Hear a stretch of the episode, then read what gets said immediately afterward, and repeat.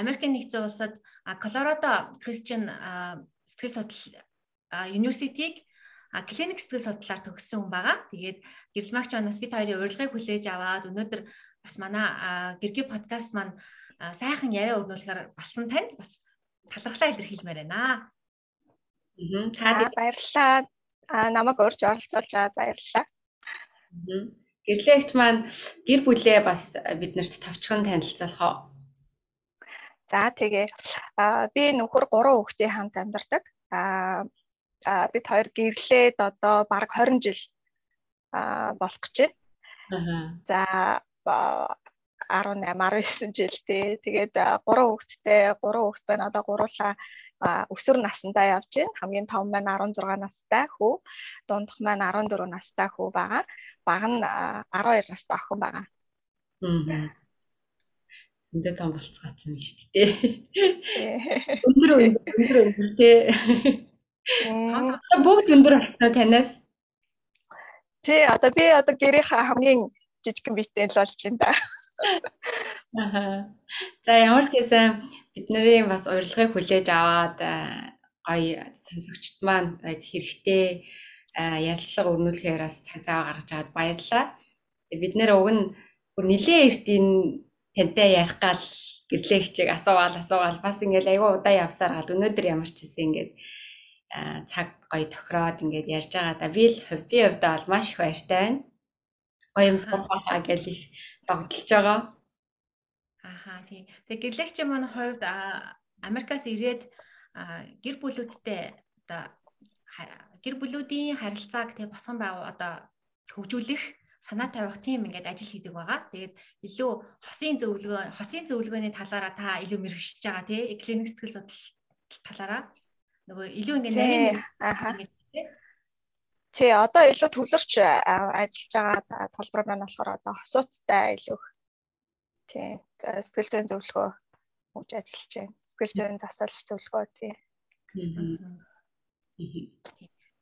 Тэгээд өнөөдөр бид ярих байгаа сэдв маань ямар сэдв бэ гэхээр бид нар чинь нэг хоёр удаагийн нөгөө хил хязгаарын талаар boundaries-ийн талаар нөгөө яриа оруулсан байгаа. Тэгээд тэр яриатай маань бас нэлээд холбоотой А тэгээд яг сэтгэл одоо мэрэгжлийн сэтгэл судал одоо судлаачдын хувьд болонгууд бас нэлээд тийм attachment энэ одоо монголоор болонгууд энэгшил гэж одоо орчуулагдаж эхэлж байгаа. Тэгээд bonding буюу сэтгэл сэтгэлийн сэтгэлийн холбоос гэдэг ч юм ингээд нэг тийм жоо мэрэгжлийн үг хэллэгтэй. А гэхдээ энэ нь бас яг бидний амьдралд бас яг ямар холбоотой байдаг талаар өнөөдөр бид нэр яриа өргүүлэхээр болсон байгаа. Гэтэ бид нэр илүү нэг тийм мэрэгжлийн талаас гэхээсээ илүүтэйгээр гэхдээ бас мэрэгжлийн хүн бас оролцуулж байгаа.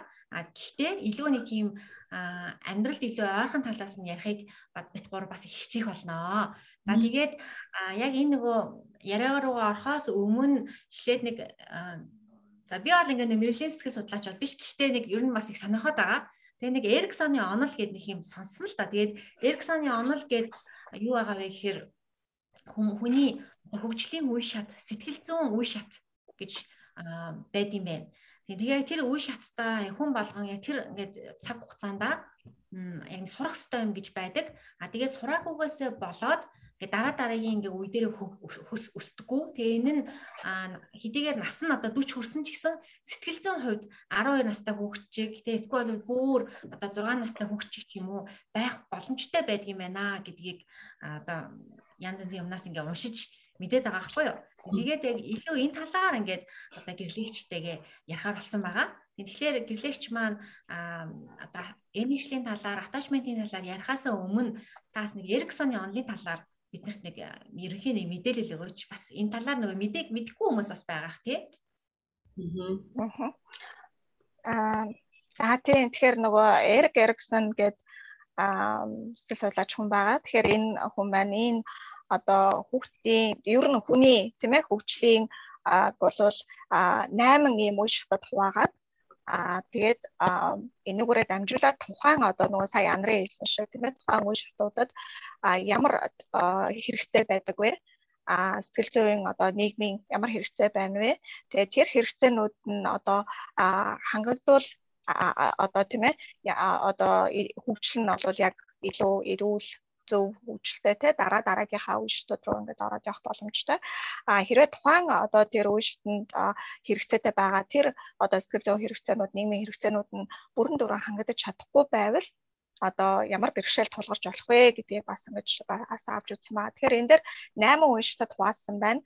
За товчхон яриа авч дээр эхнийх нь болохоор 0-аас 1 насны үе байж байгаа. За энэ үе шатанд бол юу вэ гэхээр хүүхэд ерөөхдөө одоо нөгөө итгэл итгэлцэл а нэг болвол а үл итгэх байдал гэсэн ийм одоо хэрэгцээ байдгаа гэж үзэж байгаа. Өөрөөр хэлбэл хүүхдийн одоо үндсэн хэрэгцээнүүд байгаа тийм үү хооллох а биеийн одоо энэ одоо дулаан байх, эрүүл байх те энэ бүх одоо аюулгүй байх энэ хэрэгцээнүүд а бас мөн одоо харилцааны янз бүрийн хэрэгцээнүүд байж байгаа тийм үү. Тэгэхээр энэ хэрэгцээнүүд нь одоо бүрэн дүрэг хангагдаж одоо ойр дотны хүмүүс нь өөрөлдвөл ээж нь аав нь ч юм уу хамгийн одоо хүүхдэд ойр дотнд ингэж анхаарал тавьж байгаа харж асамжилж байгаа тэр хүмүүс нь одоо тэр хэрэгцээнд нь одоо бүрэн дүрэн хариулж тэ цаг тухай бүрд нь явах юм бол итгэлцэл бий болно гэж хэлж байгаа. А үгүй бол одоо бүрэн одоо амьдрал байдаг юм уу, ойр дотны хүмүүстэй байдаг юм уу, бүрэн дүрэн итгэх энэ итгэл бол бүрэн одоо тэр хүүхдэд сууж тий бүрлдэж бий болж чадахгүй нэ гэсэн ийм ойлголт байж байна. За дараагийн үе шат нь болохоор 1-ээс 3 насны үе байж байгаа. За энэ үе шатнд болохоор ерөнхийдөө нөгөө 2 насны үе гэдэг одоо бид нар бас аягүй сайн мэдэн шүү дээ. Нөгөө 2 нас хоёр насн дээрээ ирэхээр хүүхэд аюух зөрүүдэлдэг, өөрийнхоороо зүтгэдэг. Тэгэхээр энэ үе бол ерөнхийдөө яг нөгөө бие даах тэ өөрийгөө бие даах ээж аваасаа би чинь тусгаар э, гэдгийг улам бүрэн одоо нөгөө нэг мэдэрч тэ а өөрөө би даасан хүн гэдгээ одоо бүрэн одоо мэдэрч өсөх ийм үе гэж үзэж байгаа. Тэгэхээр энэ үедээ одоо бүрэн тэ өөрийгөө бие даасан а өөрөө өөртөө найдсан тий одоо янз бүрийн хэрэгцээнүүдтэй одоо нялхахад бол одоо өөрөө яваад энэ тэнд хүрий гэсэн газараа хүрч чадахгүй байсан бол хүлд ороод за тэгээ дээрэс нь хилд ороод ингээд явж гинэ гэдэг нь өөрийнхөө одоо хэрэгцээнүүдэд тодорхой хэмжээгээр ингэж нөгөө юу яах те одоо хангаж чадах ийм болцоотой болж штэ. Тэгэхээр энэ үе болол ингэж одоо бие даах үе байна. Эсэргээрээ юу вэ гэхээр одоо ичхүр тийм үү одоо өөртөө үл итгэх эргэлзэх гэсэн ийм зүйл юу гарч ирж байгаа. За дараагийнх нь үешд нь болохоор одоо 3-аас 6 насны үе а боёо одоо бага насны үе шүү дээ тий. Тэгэхээр энэ үед бол яг хаа илүү хүүхд маань одоо санаачлахтай байдал. А илүү одоо өөрөө санаачилж өөрөө одоо нөгөө харилцаануудыг бий болгоо найзтай болно гэдэг ч юм уу те өөрөө санаачилж тоглодог ч гэх юм уу тийм ээ энэ бүх зүйлүүд одоо хөгжиж ирж байна гэсэн үг. А үүний эсрэгээр а юу гэхээр гимшил буюу а хүүхэд нэг болвол одоо нөгөө илүү их одоо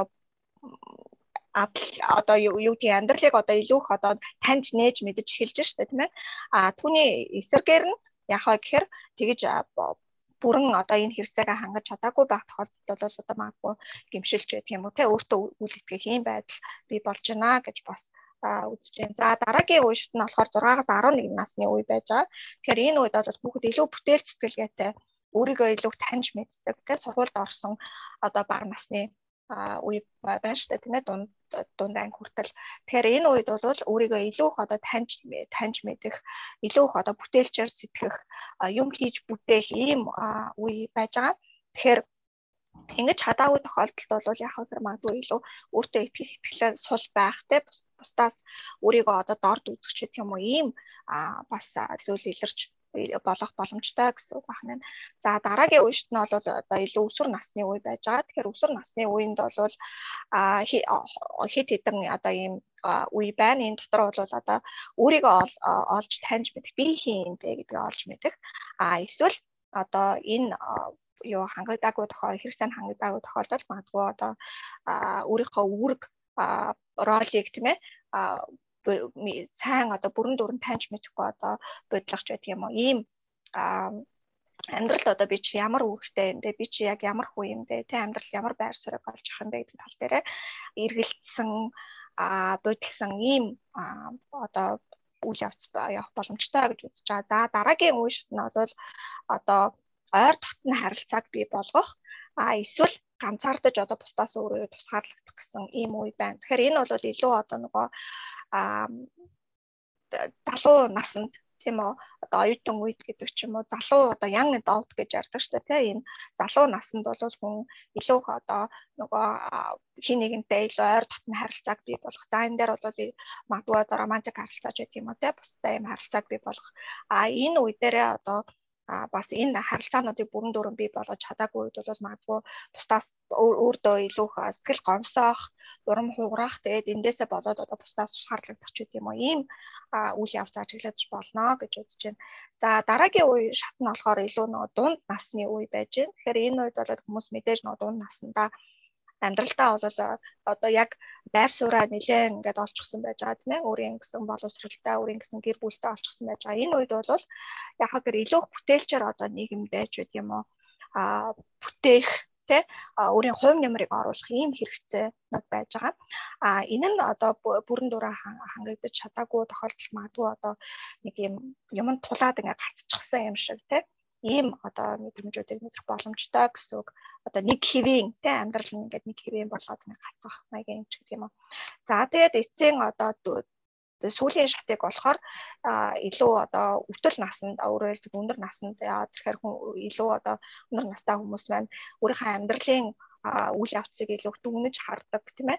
Би үнэхээр амьдралаа юунд зориулваа, миний амьдрал нь туучртай байсан уу, хувь нэмэртэй оруулсан уу, юунд хувь нэмэр оруулваа гэдэг ч юм уу. Миний амьдрал хэр зэрэг одоо бүтээлч утга учиртай байсан бэ гэдэг тал дээр хэрвээ энэ зүйл дээр одоо бүрэн одоо сэтгэл хангалуун биш байх юм бол магадгүй одоо байх юм уу а хизээч ингээд нөгөө зорилгодоо хүрч чадаагүй ийм мэдрэмжүүдийг амсах боломжтой. Тэгэхээр ерөнхийдөө яг хөө ийм одоо нөгөө нэг үе шатуудад хувааж хүний амьдралын тэ хөгжлийнх нь хувьд ингэж хувааж үздэг байгаа. За тэгэд өнөөдөр болохоор яг илүү нөгөө а эхний нэгдэх үе байгаа шүү дээ тийм ээ. Одоо 0-оос 1 насны а одоо энэ насанд хүүхдийн хувьд одоо нөгөө энэ энэгшил гэсэн энэ ойлголтын талаар ярих гээд байгаа тийм. Бичээр ярьсан чи ерөөсөө ингээл өөр амьдрал ингээл зураагаал өнгөрч штэ. Сүүлээс сүүлээс хоёр дахь үе шатн дээр явж байгаа юм байна ер нь бол тий. Гурав дахь хэлээсээ. Тэр чинь арай 40 нас хүрээгүй байгаа болохоор арай биш те. 40 наснаас хойшоо чинь тэр нөгөө нэг дунд хэрэг нас эстэй те гэрлэгч. Тий тий ерөнхийдөө гэрлэгч тэр дээр яваад хоёлаа яг тэрний өмнөхдөр явж байгаа байхгүй байгаа юм шүү дээ. Аха. За тэгэхээр өнөөдөр сая гэрлэгч маань хэлсэн шүү дээ. Илүү эхний буюу 0-аас 1 насны одоо яг энэ үе дээр илүү анхаарлаа хандуулж бид нэр ярих гэж байгаа гэдэг жааш тээ. Яг яагаад бид нэр энэ талаар ярих гэж байгаа гэхээр өмнөх одоо дугааруудыг маань манай сонсогчид маань сонссон бол бид нар хэл хязгаарын талаар 16 дахь дугаар дээр бас нэлээд дэлгэрэнгүй энэ талаараас ярилцсан байгаа. Тэгэхээр нөгөө хэл хязгаар тогтооход те хэл хязгаар гэдэг зүйлийг амьдралдаа бий болгоход яг энэ нөгөө 0-оос 1 насны энэ bonding гэж яриад байгаа шүү дээ. Энэ маань бас айгүй чухал одоо чухал үүрэгтэй байд юм байна гэдгийг одоо онцлоод тэгээд энэнийг илүү одоо дэлгэрүүлж ярих гэдэг байгаа шүү дээ. Тэгэхээр энэ тал руугаа хэдүүлээ бас гоё яриагаа чиглүүлээд явчих тий. За аа тэгэхээр ерөнхийдөө attachment буюу энэгшил гэдэг маань за сая тунгаа маань ярьлаа одоо өмнөх дугааруудтай холбоотойгоор bonding гэдэг bonding буюу одоо сэтгэл сан зүрхний сэтгэл санааны хувьд хин нэгэнтэй маш гүн гүнзгий юм ойр дотны харилцаа холбоо хэлхээс тэ сэтгэлийн холбоог бий болгох гэсэн ойлголт яригдж байна. А за тэгэхээр attachment буюу энэгшил гэдэг ярахаар энэ хоёр бол ерөөдөө бас арай жоохон за яг сэтгэл судлалын одоо шинжилгээнд судлаачдын хувьд ингээ яриад үзэхээр энэ хоёр бол арай өөр ялгаатай ойлголт байж байгаа. За энэгшил буюу attachment гэдэг маань юу вэ гэхээр ерөөсөө нөгөө 0-1 наснд буюу тэ хүүхэд төрснөөс хойш одоо ойролцоогоор одоо 1 нас хүртэлх энэ хугацаанд хамгийн одоо ойр дотны за энэ нь бол мэдээж их их тохиолдолд бол ээж байдаг байгаа. За мөн аав тий. За тэгээ дээрэс нь магадгүй эмээ өвөөч гэх юм уу. Одоо тэр хүүхд маань одоо хаана ямар одоо гэр бүлд ямар одоо орчинд амьдарч байна тэрнээс шалтгаалаад тэр хүүхдэд хамгийн их одоо ойр дотн байж анхаарал халамж тавьж байгаа. Бүх одоо хэрэгцээнд нь те анхаарал халамжийг тавьж байгаа асран хамгаалж байгаа. Тэр хүнтэй тэр хүмүүстэй одоо тэр хүүхдийн одоо би болгох тэр одоо харилцааг би хийлээд байгаа. Тэгэхээр энэ бол ерөөсөө одоо нөгөө биологийн одоо хүний хүүхдийн одоо тархины ийм одоо систем цаанаасаа одоо байдгаа гэсэн үг. Одоо ахгүй хүүхд төрхтөө одоо ийм систем attachment-ийн ийм одоо энэгшлийн ийм систем аль хэдийн байдаг гэсэн үг байгаа ахгүй а тэгэхээр энэ маань юу гэхээр ерөөсөө одоо хүүхд илүү нөгөө нэг эцэг эхтэйгээ юм уу тэр ойр дотны тэр асраа хангамжилж байгаа тэр хүнтэйгээ а одоо ойрхон байх тий. За тэгээд одоо ялангуяа одоо сэтгэл санааны хувьд одоо тааламжгүй таагүй а ийм одоо зүйлийг мэдэрч байгаа энэ тохиолдолд одоо илүү их одоо нөгөө нэг тэр тайвшрал тайвхарлыг ирж хайж тий а тэр одоо ойр дотны одоо анхаарал халамж тавьж байгаа тэр хүнтэйгээ одоо аюулгүй байдлыг одоо мэдрэхтэй тэр хүмүүсээс энэ тал дээр бол attachment гэдэг ойлголт гарч ирж байна. За тэгээд дээрэс нь а гурав дахь зүйл нь юу вэ гэхээр а яг энэ одоо нөгөө нэг ойр дотны тэр ээж аав байна уу те эмээ байна уу хөвчлэн ээж байдаг гэж ярьсан юм байна. Тэгэхээр энэ одоо үнтэйгээ харилцсан энэ харилцаан дээр хэлбэл яг тэр хүүхдийг нөгөө нэг аюулаас хамгаалах ийм систем л гэж ерөнхийдөө ойлгож болно гэсэн үг. Тэгэхээр а ямар нэгэн аюулыг мэдэрсэн ч юм уу таагүй тавгүй тухгүй байдлыг мэдэрсэн ч гэдэг юм уу айсан тэ сандарсан а ийм үед тэ хүүхэд бол яг хөө гэхээр тэр мэдээж хүн рүүгээ л одоо тайвшрал тайтгарлыг аялж хайж хандна гэсэн үг шүү дээ тий. Тэгэхэд одоо эргүүлээд нөгөө нэг одоо ээж нь ч гэдэг юм аав нь ч гэдэг юм уу тэр хүмүүс нь а хүүхдэд тэр одоо сэтгэл зүйн тэр хэрэгцээнд нь одоо хангаж тэр одоо тайвшрал тайтгарлыг өгдөгч байдаг юм уу хэрэгцээг нь хангаж өгөх энэ зүйлүүдийг одоо дахин дахин давтан ингэж хийснээрээ хүүхэд яах вэ гэхээр өөрт нь ийм аюулгүй ийм одоо юу мэдрэмж би болно шүү дээ тийм ээ. За би яг хэрэгцээгээ илэрхийлээд одоо уйлдагч байдаг юм уу? Өөрийгөө одоо ямар нэгэн байдлаар хүүхдчээ ингээл тавгүй тохгүй болохоор их ингээл яраглах ч байдаг юм уу? Би бие одоо нөгөө нэг замчих те янз бүрийн байдлаар ингээд нөгөө одоо хүүхдчин хэл яриа хөгжөөгүй учраас мэдээж үгээрээ илэрхийлж чадахгүй гэхдээ өөрийнхөө одоо байгаа байдлаар илэрхийлдэг. Тэгэхээр тэр э, хэрэгцээг нь мэдрээд одоо хангаж өгж байгаа энэ байдал дээрээс үнслээд хүүхэд яах вэ гэхээр өөрийн гэсэн ийм одоо нөгөө нэг загварыг бий болгох нь.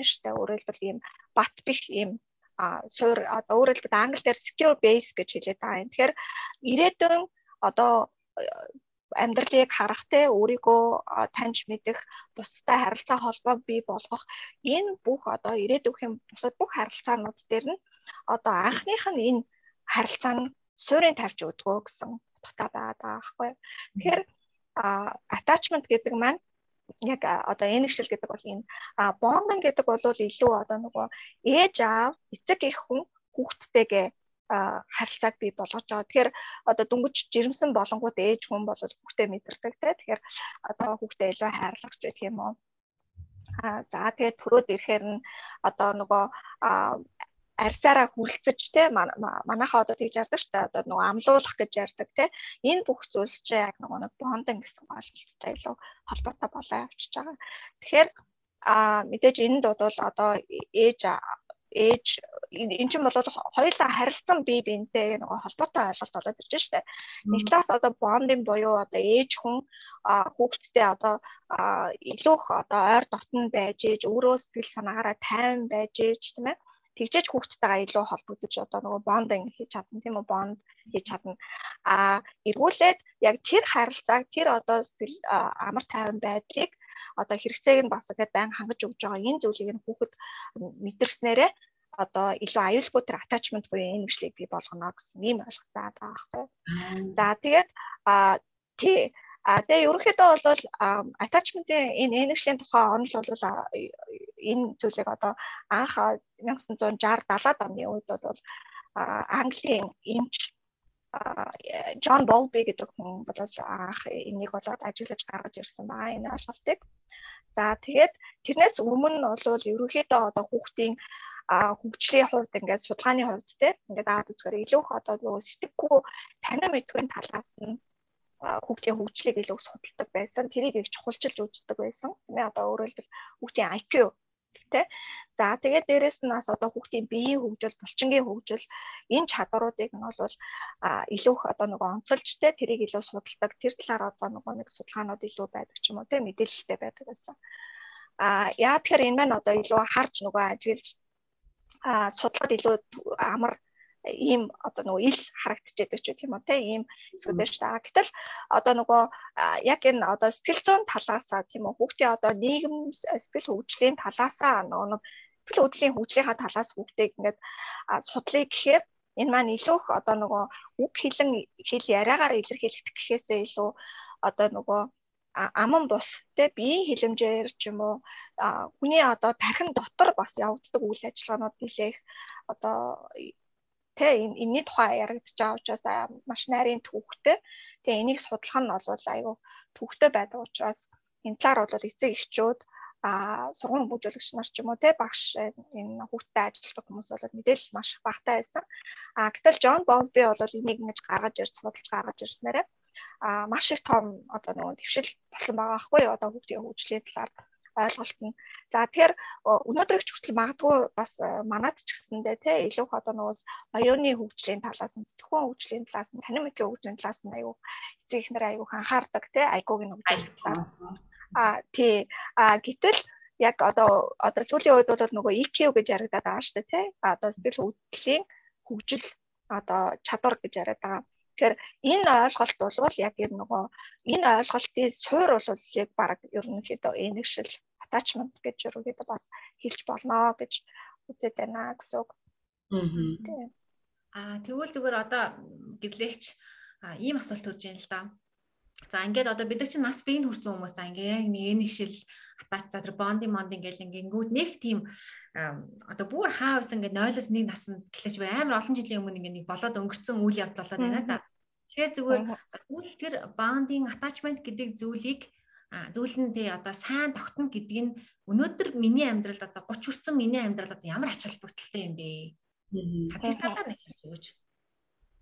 За тийм тэгэхээр яг хуу энэ attachment energy-ийн талаар ингээд илүү дэлгэрэнгүй ингээд тодорхой тайлбарлаад яривал бас яг яаж нөлөөлөх юм бэ гэдэг нь бас гарч иж магадгүй л дээ. Тэгэхээр а ерөөсөө би түрүүн хэлсэн тийм ээ. Одоо хүүхэд хамгийн ойр дотны одоо тэр хүнтэйгээ би ямар ч нөхцөл байдалд өөрийнхөө одоо хэрэгцээг илэрхийлээд одоо уйлаад ч гэдэг юм уу яагаад ч гэдэг юм те байдлаар ингээд өөрийгөө илэрхийлэхэд надад ингээ хариулдаг юм аа. Миний хэрэгцээг ингээд хардаг мэдэрдэг. Тэрэнд одоо зөв зохистойгоор хариу үйлдэлийг үзүүлж чаддаг гэсэн тий өөрөөр миний яг надад одоо жишээ нь би хүүхэд ингээд тий одоо хүүхэд ингээд нөгөө янз бүрээр уйлдаг штэ бид нараа ээж нар ерөөхдөө мэддэг те. За яг ингээд одоо өсөж гин гэдэг ч юм эсвэл нойр нь хүрсэн байна. Эсвэл одоо юу чихийн сарлах хэрэгтэй болсон байна гэдэг ч юм уу. Тэгэхээр энэ болгон чи яг хүүхэд ингээд нөгөө нэг өөрийгөө илэрхийлж байгаа тийм үү? Надад яг одоо хоол хэрэгтэй байна. Эсвэл одоо миний чихийг салиад өгөөч гэдэг байдлаараа гэж өөрийгөө илэрхийлэхэд тэрийг нь мэдрээд ээж аав нь тийм ээ а тэр хэрэгцээг нь хангаж өгснөөр хүүхэд ив болж байна гэхээр би яг одоо өөрөөр хэлбэл хэрэгцээгээ ингээд илэрхийлээд хэлэхэд миний хэрэгцээг хангаж өгч байгаа учраас илүү тэр нөгөө ихтгэлцэл бий болж байна. Түрүүний нөгөө Эриксоны энэ дэр гарч ирж ирсэн шүү дээ тийм хөгжлийн үе шатууд дээр. Тэгэхээр тэн дээр нөгөө хамгийн чухал хэрэгцээ бол ихтгэлцэл гэдэг зүйл гарч ирж ирсэн тийм. Тэгэхээр энэ ихтгэлцэл бий болж байгаа байхгүй.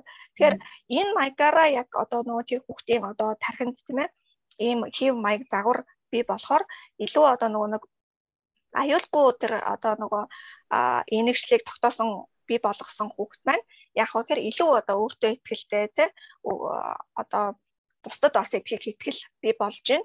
А өөрийгөө одоо илүү танин мэдэх өөрийнхөө одоо нөгөө тэгснээрээ яг хөө тэгэхээр өөрийнхөө одоо надад өгцөн тэр авяас чадвар а өөрийн тэр одоо нөгөө ур чадваруу тэр зүйлээ ч гэсэндээ одоо бүтээлчээр илэрхийлэн гаргах энэ боломжууд нь бий болж байна гэсэн үг. За тэгээ бусдад харилцаа холбоо тогтооход ч гэсэндээ тийм ээ а илүү их ихтгэлтэй а ийм харилцаануудыг бий болгож сурна гэсэн үг аахгүй. Тэгэхээр ерөөсөө энэ attachment ийг болвол одоо хүний ирээдүйн тэр одоо нөгөө нэг бие хүний хөгжилд маш их одоо суурийг нь тавьж өгж байгаа зүйлээ л ингэж ойлгож байна л гэсэн үг.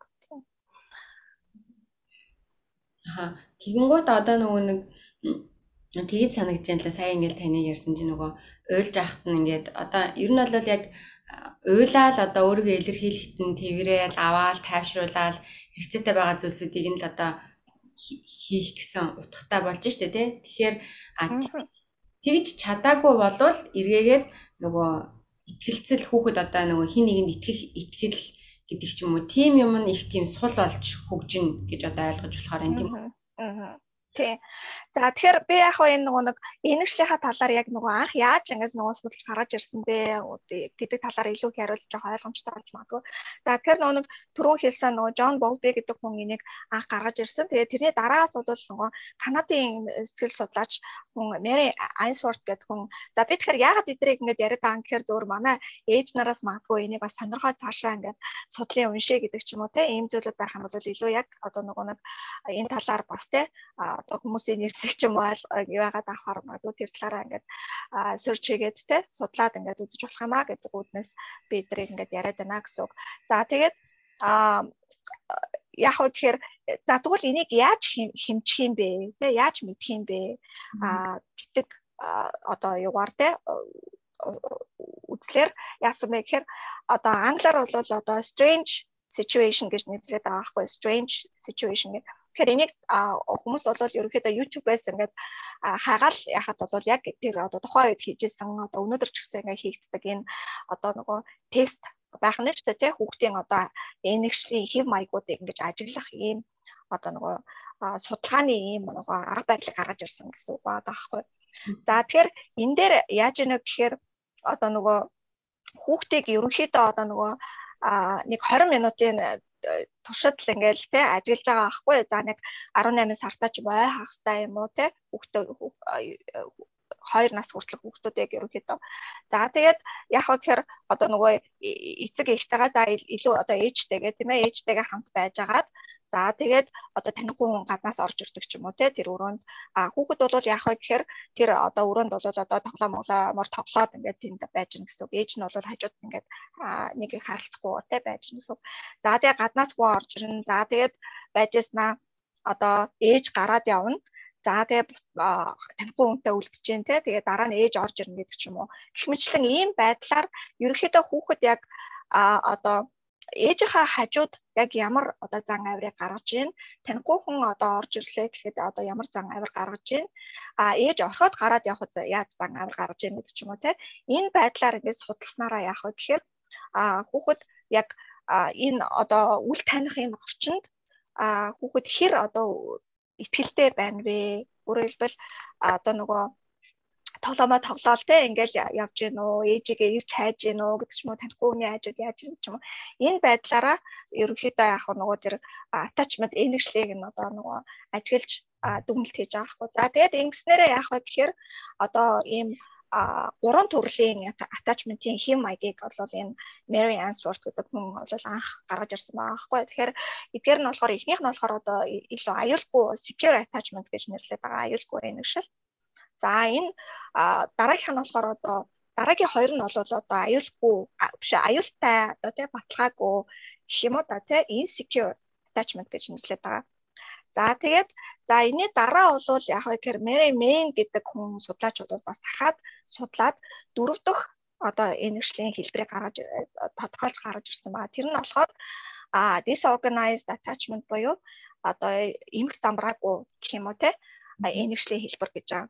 За тэгэхээр эдгээр одоо нөгөө судалгаанаасаа ерөнхийдөө яг ямар дүгнэлт гаргаж ирсэн бэ гэхээр ерөнхийдөө яг нэг 7 сар гэхэд а одоо хүүхдэд бол энэ хамгийн анхны энэ энэгшлийн хэлбэр бол тогтдсон байна. За тэгэд ерөнхийдөө бол энэ attachment энэгшил гэдэг бол ерөнхийдөө нэг юм цөөхөн хүмүүстэй л бий болдог. Одоо яг тэр насанд бол хамгийн их ойрхон хүүхэд харилцаж байгаа нөгөө түрүү хэлсэн шүү дээ тийм ээ асраа хамгаалж байгаа ээж аав гэх эмээ өвөөч гэх юм уу тийм Аа за магадгүй зарим хүмүүс бол ямар нэгэн байдлаар одоо асрах газар бас юу яаж болно шүү дээ тий Тэгэх юм бол одоо асрагч ээж ээж нь байдаг ч юм уу? Гэх мэтчлэн ийм цөөхөн хэдэн хүмүүстэй л бол энэ энэгшлийг бий болдог. За тэгээд энэ энэгшлийнх нь одоо нөгөө хэм маяг загвар одоо энэ одоо тэр хүүхдэд яаж тогтсон байна? Тэр нь дараагийнх нь одоо хүүхдийн тархины хөгжил зан чанарын зан авир энэ бүх зүйл дээр нь нөлөөлдөг юм а гэдгийг бол ерөөхдөө гаргаж ирсэн байгаа даа байхгүй. Тэгэхээр ерөөсөө нөгөө нэг түрүүн би хэлжсэн юм уу? Хүүхэд бол мэдээж анх төрөхдөө тэгэл бүх зүйл дээрээ л ингээл нөгөө гатын одоо ээж аавдаа ч юм уу асаа хамгаалж байгаа хүмүүстэй найд найдаж байгаа штэ. Өөрөө өөрийнхөө хэрэгцээг хангах ямар ч чадваргүй аль төрж байгаа штэ. Тэгэхээр яа тэгэхээр тийм учраас одоо хүүхдэд бол яг ихээр хүүхдийг өөрийг нэг хайрлаад илүү тэр хэрэгцээнд мэдрэмжтэй хандаад одоо тогтмол аль болох тийм ээ одоо тэр хэрэгцээг нь ингээд нөгөө нэг зөв хариу үйлдэл үзүүлээд тийм үү. За зарим үед бид нар бас магадгүй буруу одоо нөгөө нэг хүүхдийнхаа юг уйлж нь за одоо яатсан бол а шээцэн болоо гэл ингээл баацсан болоо гэл ингээл жихийн салиад үзтэл үгүй байдаг. За тэгвэл тэгэл уйлал өргөжлүүдэд уйлдаг тэнгуут за тэгвэл яатсан болоо гэл те а таггүй тухгүй байгаа юм болоо эсвэл нойр нь хүрээд эсвэл унтаж чадахгүй байгаа юм болоо гэдэг ч юм уу. Тэгэхээр ямар ч байсан нар ээж э, аав нар бол мэдээж 100% төгс байна гэж угаасаа байхгүй шүү дээ. Бүх хэрэгцээг нь 100% дандаа үргэлж ингэж нөгөө мэдрээд зөв мэдрээд зөв одоо хөрвүүлж орчуулж ойлгоод дандаа тэгж одоо хариулж чадахгүй. Тэр бол боломжгүй.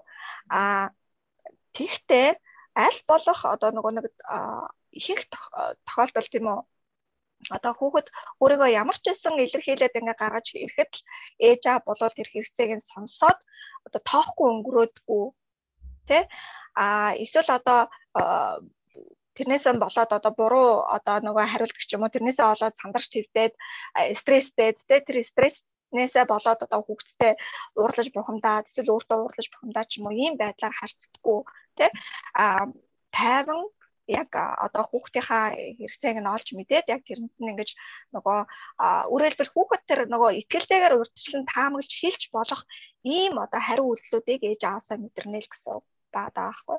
Тэгэхээр яг энэ одоо нөгөө нэг харилцааг одоо хүүхэд ээж автаагаа бий болгож чадах юм бол тэр маань ирээдүйд амьдралдаа яах нь а альва зүйлд тийм ээ.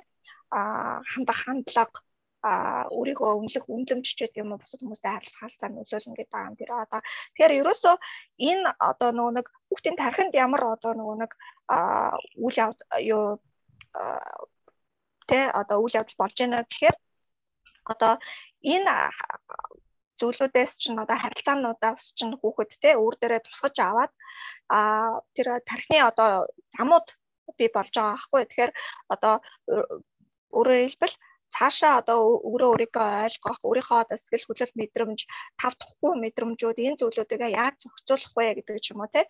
Энэ зүйлүүд дээр илүү их одоо нэг өөртөө ихтэй болж хүчж яана л гэсэн үг байгаа даа. Тий. Тэгээд одоо түрүүний нөгөө нэг ярьсан одоо нөгөө нэг дөрвөн төрлийн а энэгшлигээ илүү одоо нөгөө нэг тодорхой ярих юм бол за эхнийх нь бол нөгөө нэг а аюулгүй юу гэж яриад байгаа шүү дээ attachment гэж яриад байгаа. За энэ маань түрүүний хэлснээр мэдээж нөгөө нэг 100% ээж аа болоод байнга дандаа ингээл бүх юм ингээл бүрэн дүүрэн мэдээл ингээл хариулж чадахгүй ч гэсэн те ямар ч байсан ингээд мэдрэмжтэйгээр хүүхдтэй ханддаг. Өөрөөр хэлбэл хүүхд нь ямар нэгэн зүйлийг илэрхийлэн хэлэхэд тэр нь илэрхийлж гаргахад тийм үү? Тэр нь одоо ихэвчлэн одоо биеийн хилэмжээр илэрхийлэгдэн тийм ээ. Тэгэхээр тэрэнд нь одоо өөрийнхөө анхаарлыг хандуулдаг тий тэрийг нь харж ойлгодог. За ингэж байгаа болов ингэж байгаа болов гэдэг хүүхдээ илүү сайн мэднэ гэсэн үг байна шүү дээ тийм ээ. За тэгээд эргүүлээд хүүхдтэй одоо байн одоо нөгөө нэг жижиг жижиг алхмуудаар ч гэсэндээ те тэр хүүхдийнхаа одоо ямар одоо хэрэгцээ байна тэрийг ингээд нөгөө биелүүлээд те хүүхдийнхаа тэр сэтгэл санааных нь хэрэгцээнд нь илүү их одоо нөгөө нэг тусалж хандах ойр дотн хандах тэрийг нь мэдрэх энэ зүйлийг одоо би болгож өгч гин гэсэн үг байгаа байхгүй. Тэгэхээр ерөнхийдөө яг хуу энэ мэдрэмж чинь хүүхдэд ингээд давтамжтайгаар байнга ингээд очиод ахаар хүүхдэд ямар одоо мессеж өгч байна гэхээр түрүүний нөгөө нэг би чи аюулгүй байна. Намайг харж гин ойлгож гин би хэрэгцээтэй үедээ тэр тайвшрал тайлбарлыг олж авч чадна. Би ихтгэлтэй байж болно аюулгүй байж болно. Миний энэ харилцаа бол баталгаатай аюулгүй юм а гэдэг энэ мэдрэмжийг хүүхэд өөртөө авч яана л гэсэн үг байна. Тэгэхээр ийм мэдрэмж байгаад байгаа учраас өөртөө ихтгэлтэй байгаад байгаа учраас яах вэ гэхээр илүү одоо нөгөө нэг а а нэг нэг бол одоо ээжтэйгээ автагаа ингээл байнга зуралдаад байхгүй тий а яваад ингээд тоглодог а юмыг ингээд тань мэдэх одоо ч гэсэн ингээд маань одоо нөлөөлнө гэсэн үг байгаа байхгүй. Тэгэхээр энэ дээр ерөөсөө ийм гурван зүйлийг л ерөөсөө ойлгох хэрэгтэй гэсэн үг байна. За би дахиад хэлье тийм ээ хамгийн ихнийхээ бол ерөөсөө хүүхдийнхаа одоо нөгөө сэтгэл хөдлөл мэдрэмжтэй холбогдох гэж байгаа. Тэгэхээр энэ дээр бол одоо нөгөө баруун тархины хөгжил байгаа шүү дээ. EQ хөгжлийн талаар яриад байна. Тэгэхээр баруун тархины тэр процесстэй нөлөөх холбогдно гэсэн үг байна. Өөрөөр хэлбэл би хүүхдээ мэдэрч а хүүхд маань бас намайг одоо тий өөрийг нь мэдэрч байна гэдгийг бас хүүхд мэдэрч аавна гэсэн ойлголт байгаа байхгүй. Тэгэхээр одоо нөгөө нүдний харцаараа тий eye contact гэж хэлдэг. За нүүрнийхээ хуулаар, дуу хоолойныхоо өнгөөр а биеийнхээ одоо нөгөө одоо нөгөө posture гэж ярьдаг те биеийнхээ одоо нөгөө байгаа байдлаараа ч гэх юм уу. За хүрж байгаа хүрэлтээрээ а тохоо зангаагаараа за тэгээ дээрэс нь яг цаг хугацааны хувьд ч гэсэндээ яг хэрэгцээнд нь тохирох те цагт нь хариулж гин үгүй юу тэр одоо хариу үйлдэл үзүүлж байгаа тэр байдал маань одоо хэр одоо хүүхдийнхаа тийм мэдрэмж хэрэгцээнд нь яг тохирсон байна вэ гэдэг ч юм уу энэ зүйлүүдийг энийг бол ерөөхдөө яг англиар attunement гэж нэрлэдэг байгаа attune хийнэ гэдэг attunement гэж хэлээд байгаа. За дараагийн нэг ойлголт нь юу гэхээр баланстай байх гэсэн ойлголт гарч ирж байгаа. Энэ юу вэ гэхээр ерөөсөө хүүхэд ингээд өөрийг нь ингээд мэдэрч байна гэдгийг а одоо нөгөө хүүхд чинь өөрөө мэдрээд ирэхээр одоо өөрийнх нь дотор бол бүх зүйл нь ингээд баланстай болж ирж байна гэсэн үг байгаа байхгүй тий. Тэгэхээр одоо хүүхд бол мэдээж гаднаас ингээд одоо өөрийнхөө мэдрхүүгээр тэр зүйлүүдийг ингээд мэдэрч авч байгаа шүү дээ. Хараагаараа, сонсголоороо тэ хүрэх хүрэлцэх энэ мэдрэмжүүдээрээ тэгэхээр тэр хүлээж авч байгаа байдал нь өөрийнх нь одоо нөгөө дотоод одоо сэтгэл хөдлөл мэдрэмжүүд тархин дотор нь одоо ямар одоо нөгөө үйл явдал болж байна те. Тэгэхээр энэ үйл явцтай тохирч нийлж нийцэж ингэж баланстай байна гэсэн үг байгаа байхгүй те. Тэгэхээр ингэж чадах юм бол яах вэ гэхээр а олвол хүүхдээ одоо ерөнхийдөө тэнцвэртэй байна гэсэн сэтгэл санааны хувьд ч одоо бие физиологийн хувьд ч гэсэндээ тэнцвэртэй. Харин судалгаагаар ерөнхийдөө яг хэрвээ ээж жишээлбэл тийм ээ одоо хамгийн ойр дотны хүн биш үү тийм ээ ээж удаах хугацаагаар одоо хол байх тийм байхгүй байх ийм тохиолдолд одоо жишээлбэл энэ дээр яг зур амтан дээр хийсэн судалгаа л юм л да ямар зүйл ажиглагдсан бэ гэхээр ерөөсөө одоо тэр юу бол одоо унтах нойрсох тэр одоо циклд нь нөлөөлдөг зүрхний хэмнэлт нь нөлөөлдөг гэж байгаа. Стресстэй хариу үйлдэл үзүүлэх одоо нөгөө тэр үйлдэлт нь нөлөөлдөг гэж байгаа. Хоол боловсруулалт нь нөлөөлдөг гэж байгаа. Тэгэхээр энэ бүх байдал чинь яг уу яг уу хүүхдтэй ч гэсэндээ бас ийм байж болох юм а гэдэг яг энэ одоо нөгөө нэг судалгаагаар бас гарч иж байгаа байхгүй. За тэгээд эцэст нь юу гэхээр гурав дахь зүйл нь чухал зүйл нь юу вэ гэхээр ерөөсөө аа нөгөө нэг энэ утга харцалт дата ийм одоо нөгөө нэг зүйлийг мэдэрнэ л гэсэн үг байгаа байхгүй. Өөрөөр хэлбэл энгийн үгээр хэлэх юм бол би одоо өлсөд өөрийгөө илэрхийлэхэд надад хоол өгч байна.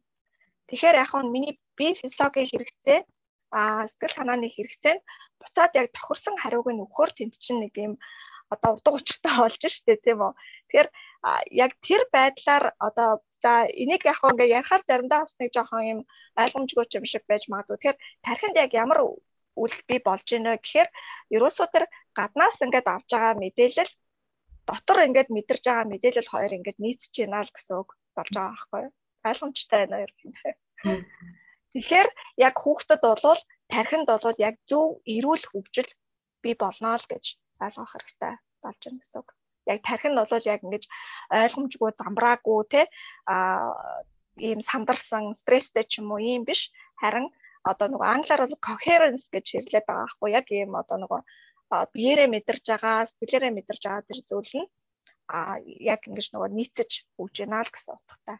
Да. Тий. Тэгэхээр энэ зүйлийг мэдэрснээр хүүхэд илүү аюулгүй байна л гэсэн үг аа. За тэгээд ерөнхийдөө яг ийм аюулгүй ийм одоо нөгөө attachment энержийг бий болгосон хүүхэд бол яах вэ гэхээр маш их одоо өөртөө ихтэй тий удирдахчийн одоо авиас юу гоо одоо нөгөө чадруудыг би өөр дөрөө би болгож байна. За өөрийнхөө сэтгэл хөдлөл мэдрэмжийг таньж мэдээж өөр өөртөө юу хэрэгтэй байна, би юу мэдрээд байгаа вэ гэдгээ одоо нөгөө нэг хүүхэд бол илүү мэдэрч чадчихна гэсэн үг шүү дээ, тий. За тэгээд дээрэс нь одоо бусдын сэтгэл хөдлөл мэдрэмжийг ч гэсэн илүү ойлгоно. За тэгээд янз бүрийн одоо хэцүү мэдрэмжүүдээ одоо урам хугарч байдаг юм уу? Бухимдах энэ мэдрэмжүүдээ бол илүү их одоо нэг сайн зохицуулж чаддаг байгаа. Ийм одоо би бада тий. За хэрвээ одоо энэ одоо attachment бол сайн тий одоо хүжиж чадахгүй байх юм бол одоо нөгөө аюул insecure attachment би болно гэж яриад байгаа шүү дээ тийм ээ. Тэгэхээр тэр маань одоо юу вэ гэхээр одоо эхнийх нь болохоор яг нөгөө нэг зайлсхийдэг гэж хэлж байгаа insecure avoidant attachment гэж хэлээд байгаа. Тэгэхээр энэ маань ерөнхийдөө юу вэ гэхээр эцэг их нь одоо нэг бол хэрэгцээнд нь ингэж одоо хариу үйлдэл үзүүлдэггүй эсвэл одоо нөгөө ерөөсөй байхгүй байдаг. Аа хүүхдээ эсвэл одоо айгүйх ингэж одоо өрөөсөө түлхдэг байдаг ч юм уу те а энэ энэ зүйлүүдээс болоод хүүхэд бол яахаа гэхээр а за ерөөсөө би өөрийгөө ингээд илэрхийлээ ингээд хийлэхэд надад болоод тусамж ирдгүүн байна. Тэ надад туслах хүн байхгүй байна гэдэг юм уу? Ийм ойлголт ийм зүйлийг ингээд мэдэрч авч байгаа учраас илүү их одоо нөгөө хүүхэд бол за би хинт ч найдаад хэрэггүй юм байна гэдэг юм уу те илүү их бие даасан а ийм бие даасан гэдэг маань одоо нөгөө жоохон илүү одоо сөрөг утгаараа гэх юм уу те а зүгээр ингээд бие даагаад ингээд өөртөө ихтэй явна гэдэг нэг өөр хэрэг. А харин одоо хинч надад хэрэгцээнд маань туслахгүй учраас би л өөрөө өөрийгөө авч явах юм байна. Би л одоо өөрөө өөртөө анхаарал тавихгүй бол хинч надад анхаарал тавихгүй гэдэг ч юм уу. Ийм ойлголтуудыг хүүхэд би болж байгаа өөртөө би бол тэрийг энэ зүйлийг мэдэрч хүлээж авч байгаа учраас яах вэ гэхээр одоо айгу тийм хүүтэн хүндийч байдаг юм уу те? А бусдаа тэр болгоо ингэж ойртож нөхөлтгүү байдаг юм уу? Ийм ийм зүйлүүдэд бас цаашдаа явна да. Гэж хүүхэд а хүүхдэд одоо тийм одоо зуршил бий болох боломжтой гэсэн үг байгаа даа тийм За тэгээд яг хуу ийм төрлийн хүүхд бол айгүйх одоо нөгөө юунд ордог л да одоо нөгөө гадуур холт тий одоо дунд наснда сургуулийн наснда бол энийг бол ерөөхдөө судалгаагаар ингээд судалсан байгаа. Тэгэхээр энэ судалгаа болохоор Миннесотагийн судалгаа гэж аюух яригддаг нэрлэгддэг ийм урт удаан хугацааны судалгаа аахгүй хүүхдийг ерөөсөө бүр гизэн байх үеэс нь одоо төрхөөс нь ахуулаад бүр ингээд том насанд хүртэл нь судалсан ийм удаан хугацааны судалгаагаар одоо бүр хүүхдийг нялхаас нь ингээд ажигласан байх нь шүү дээ тий За тэгвэл одоо ийм attachment-тай энэгшилтэй хүүхдүүд том болоод ямар болж ийн вэ? Нийгмийн одоо нөгөө харилцаандаа а өөрийнхөө одоо бие хүнийхээ одоо хөгжлийн хувьд ч гэсэндээ ямар байна гэдгийг судалсан. Энэ судалгаагаар энэ одоо үр дүнгууд харагцсан гэсэн үг байгаа байхгүй. За дараагийн одоо нөгөө нэг юуны энэгшлийн хэлбэр болохоор нөгөө ambivalent эсвэл одоо anxious гэж нэрлэгддэг төгшүүртэй илүү төгшүүртэй ийм одоо энэгшлийн хэлбэр гэж хэлээд байгаа. За энэ болохоор яг хөө эцэг их нь айгүй юм докторгүй харилцдаг. А одоо найдахад айгүй хэцүү тий а заримдаа бол одоо хит ингээд айгу төрөмгийлсэн юм шиг ийм харилцаануудыг хүүхд мэдрэх юм бол айгу хүүхд төгшөөртэй болно айгу тодорхойгүй. Одоо ээж аавдаа итгэж найдахад айгу хэцүү болно гэсэн үг шүү дээ тийм ээ. За ерөнхийдөө нэг иймэрхүү зүйл ажилладаг байдаг л да. Зарим ээж аав нар бол тий а заримдаа болохоор бүр хит их наалдаал хүүхдээ ингээл тэ эрхлүүлээл ингээл тэгжээс на зарим үед ерөөсөө ингээд загнаал цаашаа цаашаа гэл ингээд хүүхдээ айгуух өөрөөсөө түлхэгч байдаг юм уу те ингээ ерөөсөө ийм хүүхэд ингээд нөгөө нэг тэ бүрэн дөрөв ингээд нөгөө ээж авда яаж найдахад ингээд аюу хэцүү болчихж штэ тэ? Яа ингээд заримдаа уурлаал тэ гэдэг ч юм уу. Тэгэхээр иймэрхүү байдал дээр хүүхэд эргүүлээд бас яаж ханддаг вэ гэхээр заримдаа хүүхдүүд тийм зүйл ажиглагдсан шүү дээ. Ингээд ээж дайг хууралдаг. Эсвэл ээжигээ ингээд зохиж авдаг ч гэх юм уу те. За тэгээд бүр ингээд амар хааш гаргаал ингээд шалан дээр савж унаал үйлдэг ч гэх юм уу. Иймэрхүү одоо нөгөө нэг юмнуудыг гаргаад байдаг. Тэгэхээр хэдийгээр нэг ээж нь ингээ анхаарал тавьсан ч гэсэндээ нөгөө нэг тайвширч өгдөггүй тийм байдал аюу харагддаг штэ тий. А эсвэл одоо буцаад нөгөө нэг за ээж нь ингээ тайвшруулад ингээ яасны дараа хүүхэд ингээ тайвшаад буцаад ингээ одоо нөгөө тоглоом дээр очиж тоглодог ч юм уу гэтэл ийм хүүхдүүд бол тэр зүйл бол харагдахгүй байх юм штэ. Нэг бол одоо хүүхэд бол ээж нь ингээ хүүхдээ газар ингээ тавих гэхээр ингээ буцаал ээжтэй зөвддөг ч юм уу. Ерөөсөө ингээ тайвширч өгөхгүй хашаа ингээл ар нуруугаараа савж унаал тий тавиулахгүй байдаг ч юм уу иймэрхүү зан ашуудыг аяух гаргаж идэг. Тэгэхээр энэ хүүхдийн хувьд бол том болоод ирэхээр мэдээж яах нөгөө харилцаануудтай айгүй итгэлгүй бас тий. За хизээ намайг одоо энэ хүн орхоо явчих бол гэдэг ч юм уу тий. Ийм байдлаар айгүй хэм төгшөр айдас мэдэрч идгаа гэсэн үг байгаа байхгүй. За тэгээд а бас мэдээж одоо нөгөө нэг өөрийгөө илэрхийлэхтэй айгүй одоо өөртөө ихтгэлгүй тий а шин зүйлийг туршиж үзэхтэй бас айгүй айж одоо төгсдөг байдаг ч юм уу. Иймэрхүү. За тэгээд мэдээж бас нөгөө нэг а одоо зайлсхийдэг хүүхдээс баг зарим тохиолдолд илүү ч хэмжээгээр одоо нөгөө бусдын дээрлэхэлттэй үүдийнхнийхаа дээрлэхэлтэнд их өртдөг ийм байдаг байна. За тэгээд хүүхдүүд яг энэ хоёр хэлбэр бол айгүй хэм нөгөө нэг үгэнд орохдоо айгүй хизүү те хүү ээж аавдаа одоо нөгөө дуулууртай дуулуургүй байх байдал айгүйх ажиглагдана их ууртай ч гэх юм уу те а ийм байдал айгүй ажилладаг. Тэгээд өөрийнхөө одоо дотоод ингээд мэдэрч байгаа тэр мэдрэмжүүдэд зохицуулах энэ нөгөө нэг чадвар бас айгүй сул хөгжиж байна гэсэн үг байгаа тий. Тий. За тэгээд а сүүлийн нөгөө нэг одоо нөгөө нэг disorganized гэдэг маань бол а юу вэ гэхээр энэ энэ маань илүү их одоо нөгөө нэг тухайн гэр оронд одоо хүчирхээлэл их ялангуяа байгаа тохиолдолд тийм үү? Гэр орны маш их одоо айц төгшөөрөөр дүүрэн эмх замраагүй байдлаар дүүрэн а ийм тохиолдол бас айгүйх бий болдог attachment-ийн хэлбэр гэж хэлээд байгаа. Тэгэхээр яг үгээр ерөөсөө хүүхэд ч юм бол мэдээж ээж ааваасаа л ээж аавдаа л найдаж байгаа шүү дээ тийм үү? Ээж ааваас ээж аавдаа л одоо нөгөө бүх хэрэгцээг хангаж өгөх хүн нь ээж аав нь байж байгаа ойр дотны тэр асран хамгаалагч нь.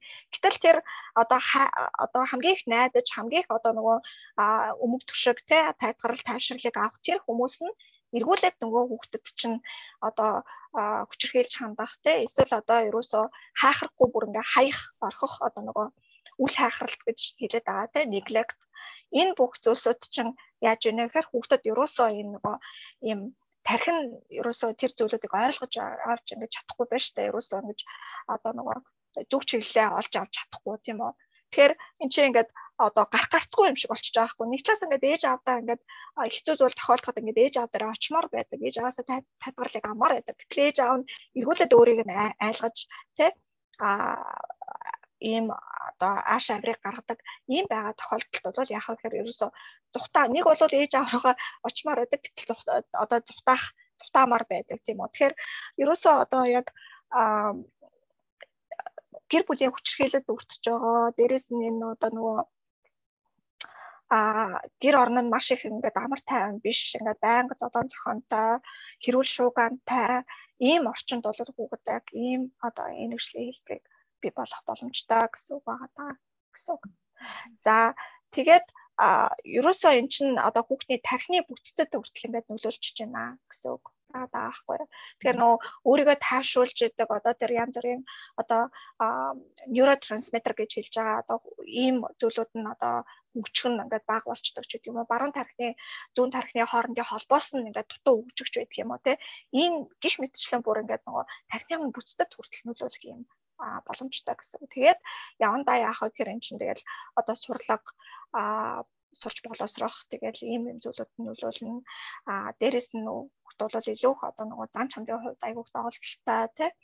А бусдаа нийцгүй бүр одоо айгуух одоо нөгөө зэрлэг балмад ааш авир гаргах ч гэдэм үү те явандаа одоо магадгүй зарим нь одоо их депрессэнд орох ч гэдэм үү ер нь л маш их одоо нөгөө тэр хожим тэр хүүхдүүд бол тэр сэтгцэн эрүүл мэндийн хувьд бол маш их одоо том гар цохрол авчирч байна л гэж ойлгох хэрэгтэй хаа шүү дээ тий. Тэ. За ерөнхийдөө ийм одоо нөгөө нэг хэлбэрүүд байгаа даахгүй. Гэтэ энэ дээрээс нэг зүйлийг хэлэхэд бол а одоо эдгээр ингэж нөгөө нэг ялгаж салгаж ингэж нөгөө хувааж үзэж байгаа нь судалгааны хувьд бол мэдээж ингэж нөгөө нэг судалж ингэж тогтоохын хувьд бол ингэж нөгөө категори ингэж оруулж ингэж яаж байгаа. Тэрнээс шиг яг амьдрал дээр бодит амьдрал дээр бол энэ бүх одоо энэгшлийн хэлбэрүүд бол мэдээж давмгаалах одоо хэлбэр гэж байна. А дээрэс нь бол одоо аль аль хэлбэр нь бол одоо холдож байх боломжтой гэсэн үг байна. За тэгээд дээрэс нь одоо нөгөө ойр дотны тэр хүмүүстэйгээ бас нөгөө а өөр өөр энерглийг бий болгоно шүү дээ. Яг тэр ээжтэйгээ нэг өөр харилцаатай, аавтайгаа нэг өөр харилцаатай байгаа дээ. Тэр аа бас хүүхдэд өөр байдлаар хандж байгаа. Ээж бас хувь хувьдаа мэдээж нөгөө өөр өөр харилцаанууд байгаа учраас эн чинь бас нөгөө энерглийн одоо хинтээ ямар энергшил бий болох вэ гэдэг нь бас одоо ялгаатай байж болно гэсэн үг байгаа байхгүй. Тэгээд а судалгаар бол яг хөө ерөнхийдөө яг насанд хүрсэн хүмүүсийн нэг ойролцоогоор нэг 55% нь одоо аюулгүй attachmentтай attachment-ийг бий болгосон. Тэгээ аюулгүй одоо эмчлийг бий болгосон байдгаа гэсэн ийм судалгаа байгаа байхгүй. Тэгэхээр энэ дээрээс ерөнхийдөө одоо би хүүхдийнхээ одоо нэг хэрэгцээ тэр юунд одоо дандаа хариулж чаддгүй. Би одоо гэдэг талаасаа одоо ээж нар маань одоо юу гэдгийг санаа зовох ч гэдэм юм энэ дээр төгсөх шаардлагагүй. А бид түрүү хэлжсэн. Тий төгс ээж аав гэж хизэж байхгүй. Бид нар дандаа одоо төгс байж чадахгүй. А тэгтээ ямар ч байсан одоо нөгөө хамгийн сайнараа хичээгээд тийм ээ хүүхдтэй хэрэгцээ болгон дээр нэг хариулаад а яваад ингээд холбогдоод хүүхдтэй хүүхдтэйгээ сэтгэл сэтгэл зүйн хувьд ингээд хүүхдээ мэдэрсэн мэдрэмжтэй хандах энэ харилцаануудыг бий болгосноороо энэ тэ аюулгүй энерглийг бий болох боломжтой гэсэн үг байгаа. За тэгээд өшөө нэг зүйл нь юу гэхээр бас энэ маань ингээл одоо нэг ингээл энерглийн одоо юу тогтцсон болвол тэгэл ерөөсөн насан туршдаа одоо ийм байхаас өөр аргагүй гэсэн бас ойлголт бас байж болох байх хэрэггүй юм. Яагаад тэгэхээр судалгаагаар бол ерөөсөө хизээч бид нар ээж аав нар те хизээч одоо бид нар алдаагаа засч болно. Би магадгүй заримдаа одоо хүүхдтэйгээ те буруу харилцсан байж болно. Би хүүхдээ ойлгож одоо мэдэрч харилцаагүй байж болно. Гэхдээ өнөөдрөөс ч эхлээд бид нартэй харилцаагаа өөр болгож өөр төвшөнд аваач боломжтой хүүхд маань хэдэн ч настай байж болно. Өнөөдөр би 3 одоо нөгөө өсвөр насны хүүхдтэй байж байгаа тийм ээ. Тэгэхээр өсвөр наснда байсан одоо том болцсон хүүхдүүдтэйгээ ч гэсэн би тий харилцаагаа засаад залруулад а илүү ойр дотны тэр харилцааг бий болгох боломжтой гэдгийг л хэлмээр байгаа тий тэгж бас урамшуулмаар байна. Аха. Харин яг ер нь бол нөгөө таны ингээ ярьсан чинь бүр зөндөө олон юмнууд ингээ толгоонд орж таа ч бүрээс ингээ урсгаал яар. Одоо асуулт асуух юмсан ингээ аяг юм бодж илаа. Тэгвэл надад одоо би болохоор одоо ингээ нөгөө энэ ч одоо нөгөө одоо сэтгэл зүйн шинжлэх ухааны одоо хэл одоо хэллэгүүд энэ дээр аяух гарч ирж штт те. Тэгэхээр аягүй их ингээд нөгөө одоо бичиж тэмдэглэх ч юм уу те аягүй сайн ингэж нөгөө одоо анхаарлаа хандуулж яж ойлгох хэрэгтэй юмнууд л гарч ирж байна л да. Тэгэхээр би зүгээр яг сонсож байгаа хүмүүс маань бас яг тэгж байгаа болоо гэж бодож байна. Тэгэхээр энэ дондод хэдий юм ингээд нөгөө баталгаажуулаад тий ойлгосныгоо ингээд ингэж ойлгосон зүг үү гэд явуулах гэж бодож байна л да. Эхний болохоор би ингэж ойлголаа. За энэ attachment гэдэг энэ ойлголт нь тий одоо яг энэ одоо үйл явцсан тий хүүхдээ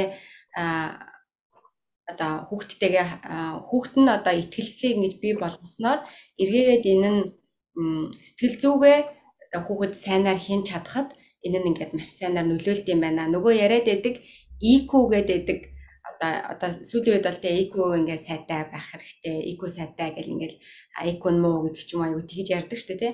Тэнгууд нөгөө сэтгэл хөдлөлийн тэр чадамж нь одоо сайн тогтоход яг энэ нөгөө бага насндаа attachment хийр явагдсанаас энэ нь хамаард юм байна гэж ойлгоод байна.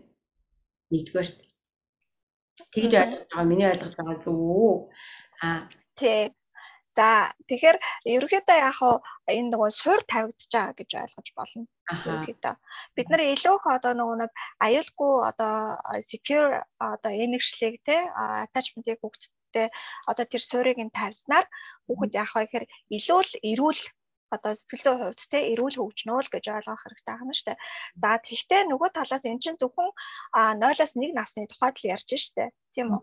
А гэтэл тэрнээс цаашаа бид нар ингээд хүүхдтэйгээ ингээд харилцаад явж байхдаа а би түрүүн хэлсэн зүйл маань бид нар хизээч ингээд нөгөө те а одоо алдаа гаргасан ч юм уу би дутуу магадгүй хүүхдтэй тэр хэрэгцээнүүдийн нэг бүрэн дүрэн хангаж энэ үед нь байх ёстой тэр зүйлүүд дээр нь бүрэн байж чадаагүй байж болно. А тэгвэл би энийг заах а эргүүлээд одоо нөгөө нэг алдаагаа засах те боломжтой гэж хэлээд байгаа учраас одоо тэр хүүхдээ тэр EQ-гийн хөгжүүлэхэд а энэ одоо 0-аас 1 насны attachment энэгшил бол ерөнхийдөө суурийн тавьж өгч байгаа. Тэгээд цаашаага бид нар тэр суурин дээрээ цаашаа ингээд зөв ингээд те барьж байгуулад хүүхдээ ингээд нөгөө сургаа өөрөө ч гэсэн суралцах боломжтой гэж ойлгож болно л гэж хэлээд байгаа. Одоо өсөж явахт нь яг за яг өсөж байгаа юм байна гэдэг ингээ хоолыг өгнө гэдэг чинь яг тэр хүүхдийн хэрэгцээнд нь яг тааруулж яг харьцаж байна гэсэн үг шүү дээ тий.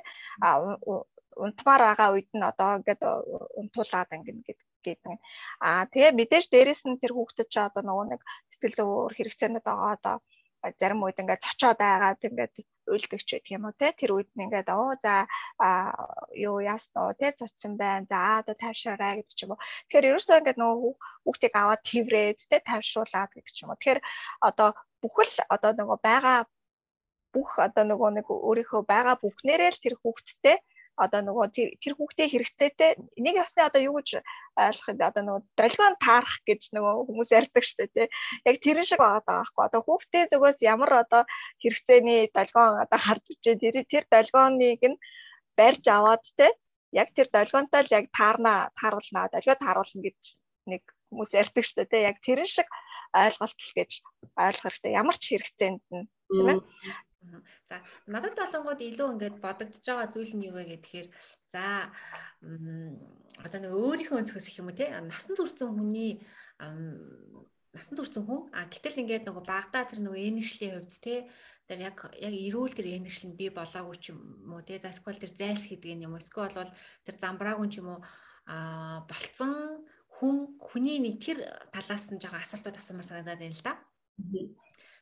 А за яг би болонгоо сайд гэрлэг чиг ярьж байгаа зөвөр ерөнхийдөө өөрийгөө за би ер нь ямар одоо энэ ихшилтэй хүн бэ гэд айгу бодсон чинь ер нь зайлс хийдэг хүн байгаа хгүй зайлс хийдэг юм давмгаалдаг. Яг дан 100 100% зайлс хийдэг биш л дээ. Гэтэ ингээд давмгаалдаг зүйл маань зайлс хийдэг байгаа хгүй. Тэгээ зүгээр бодохоор Яг 0-аас 1 наснд маань одоо учиргүй намайг яаж исэн юм бол ийж исэн юм бол гэж би бол мэдэхгүй байгаа юм. Гэхдээ ерөн зүгээр ингээд нэг тийм тэр чин хүний нөгөө хариу үйлдэл гэдэг байгаа штэ альва асуудал гарч ирэх үед энэ энершил нь ямар байгаагаас хамаарат хүн одоо альва асуудал гарч ирэх үед хэрхэн хариу үйлдэл үзүүлдэг вэ? Тэ хэрхэн өөрийгөө хамгаалах механизмд шилждэг вэ гэсэн зүйл гэж ойлгож байгаа зөв үү гэрлэгч энэ нөгөө дөрөв нь Нэг бол ингээд хариулна. Нэг бол ингээд асуудал гараад зайлсхий зүхтэн, нэг болж дайрч давшлна гэдэг ч юм уу. Эсвэл айгу айц мэдрэн гэдэг ч юм уу. Нэг ийм нүнүүд мэдэрдэг гэж ойлгоод байгаа зөв үү те. Аа. Тий, ерөнхийдөө тэгж ойлгож болно.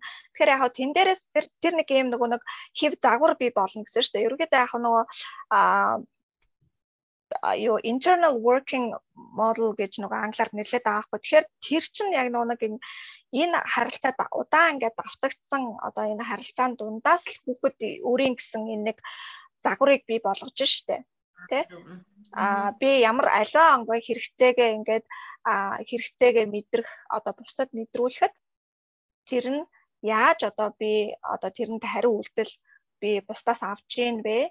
Тий гэдгээрээ одоо өөртөө итгэх итгэл би болж гин. Эсвэл болохгүй байна гэдэг ч юм уу те ийм байдлаараа.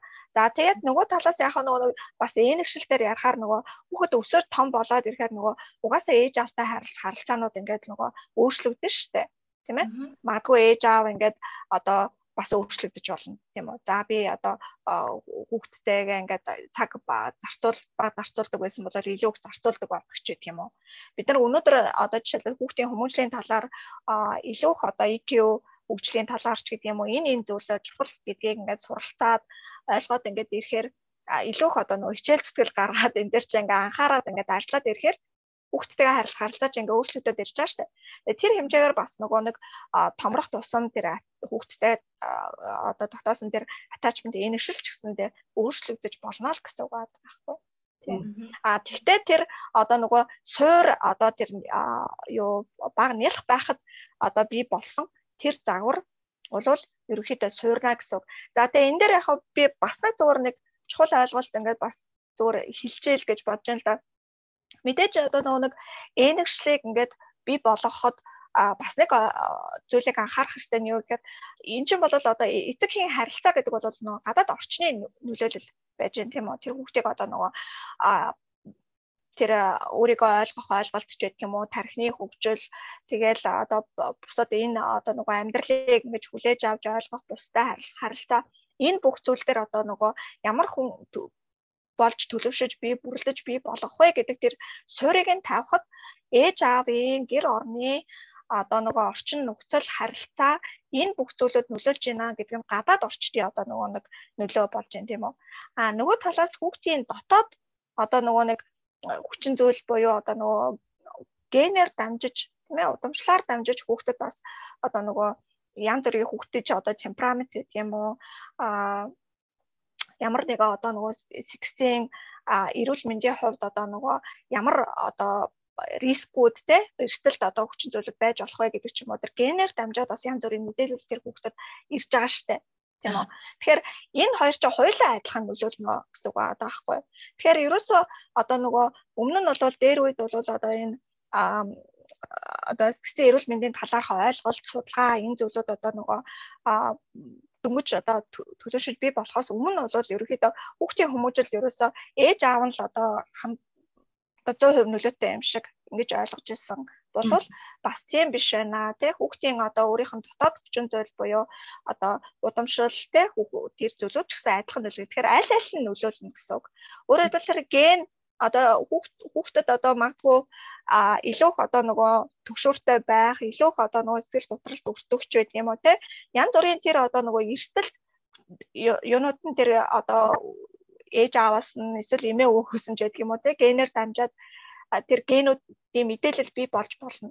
А тэгтээ тэглээгээ тэр хүүхэд одоо заавал одоо нөгөө сэтгэл готролд өртдөг ч гэх юм уу заавал одоо одоо сэтгцэн эрүүл мэндийн асуудалтай байна гэсэн бас утга биш үг биш а харин амьдралын алаа одоо стресстэй үйл явдал тэр орчин бол тухайн гений а тэр хүнд тийм ээ илэрхүү а яах вэ гэдэг зүйлийг нь бас нөлөөлж байгаа гэсэн үг. Энийг бол яг хуу ерөөдөө нөгөө epigenetic гэж нэрлэдэг л дээ. Тэгэхээр энэ хоёр ойлголтыг аль алийг авч үзэх хэрэгтэй гэсэн үг байна. Тэгэхээр хэдийгээр одоо хүүхэд одоо а тэ стресс дүртөх магадлал биш одоо нөгөө депресс тэ сэтгэл готролч байдаг юм уу а төгшөр гэх мэт одоо энэ сэтгцэн эрүүл мэндийн одоо тулгамсан асуудалд хүрч болох тийм эрсдэлтэй байсан ч гэсэндээ а энэ гişлийн хувьд одоо илүү одоо эрүүлтэй зөв энэ нөгөө secure attachment-ыг бий болгоод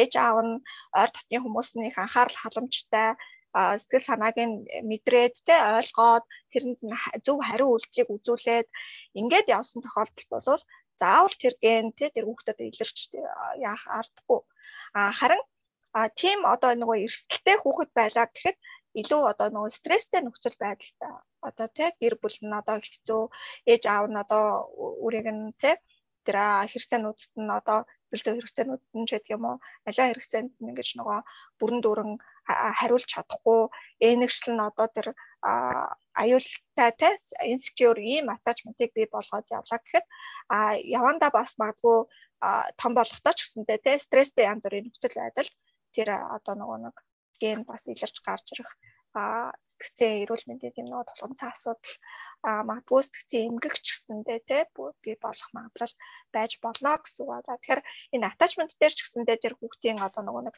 дотоод хүчин зүйл бас нөлөөлнө л гэдгийг бас ойлгох хэрэгтэй гэсэн.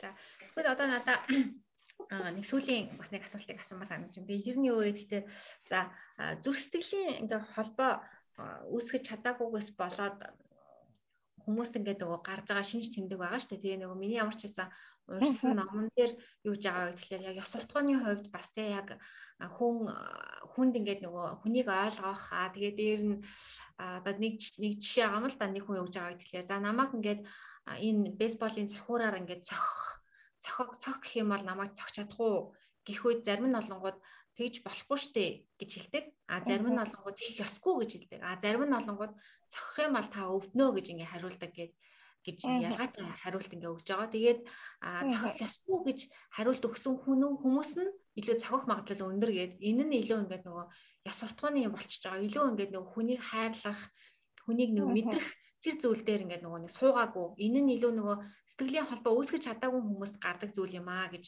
гэд дурдж байгаа. За тэгээд бас нэг сэтгэлийн холбоо үүсгэж чадаагүй байдал нь илэрдэг зүйл нь юу гэж хэлж байгаа вэ гэхээр нөгөө сэтгэл готролд айгүй амархан өртдөг аа бишээ. За хэлж байгаарай. Аа тэгээд а нөгөө сэтгэлийн холбоосаа үүсгэж чадсан байх юм бол нөгөө аливаа сэтгэлийн хямрал ч юм уу те ингээд амьдралд хүнд хэцүү зүйл тохиолдох үед тэрийг ингээд давж гаргах чадвартай болдог. Тэгээ эсвэл эсрэгээрээ давж чадахгүй болох те нөгөө сэтгэлийн холбоо үүсгэх бол гэд. За тэгэнгүүтээ дээр нь одоо нөгөө амьдрал нь илүү утга учиртай. Одоо гэдэг чинь зүгээр нэг ажил хийх нь зүгээр нэг мөнгө олох зүйл биш. Харин те би ингээд бусдын сайн сайхны төлөө би илүү энэ ажилдаа дуртай байдаг гэдэг ч юм уу. Ийм ингээд нөгөө ялгаатай байдлууд үүсдэм маа гэд би нөгөө уншсан. Тэгээ яг өөрийгөө бас ингээл айгу бас боцсон л доо ер нь яасан бэлээ ийсэн бэлээ за би өнөөдөр чи ингээд 30 хүрсэн хүн ер нь яадаг гэдэг үлээ аюу их ингээ юмнууд бас боцсон л доо. Тэгээ зүгээр бодонгууд за ингээ энийг мас сонсож байгаа хүмүүсийн дотор магадгүй те за би чи ер нь нэг тийм атайхан атачмент үүсгэж чадаагүй хүн юм байна штэ. Тэгээ энээсээ болоод өнөөдөр би хүүхдүүдтэйгээ харилцах харилцаанд маань нөхөртөөгөө харилцах харилцаанд маань тэгээ ер нь ингээл хамт ажилддаг хүмүүстэйгээ ч гэсэн ингээ ямар ч хэлсэн ингээ нэг юм асуудал үүсээд байна гэдгийг олж харсан байлаа гэж бодъё. Тэ? За миний хувьд би нөгөө зайлсхийдэг гэж хэлж ирсэн штэ. Тэгээ ер нь ингээд зайлсхийдэг байдал маань одоо ингээд гэрлэлтийн харилцаанд маань бас амархан амаргүй байгаа хгүй яаж байгаа гэхээр би аль болох ингээд нөгөө шийдэхгүй ингээд зайлсхий зогтох гад идэх ч юм уу тий. За тэгээ дээр нь одоо юу гэдэг чинь бас ингээд шүүмжлээ сонсож чадахгүй гэсээ болоод хүмүүстэй дотн харилцаа үүсгэж чадахгүй гэдэг ч юм уу. Ингээ иймэрхүү юмнууд ингээд нөгөө илэрж байгаа. Тэгээ энэ илэрж байгаа зүйлээ би ингээд хөөгөл хөөгөл ингээд явсан чинь сэтгэлийн холбоо үүсгэж чадаагүйтэй ингээд холбогдлоо.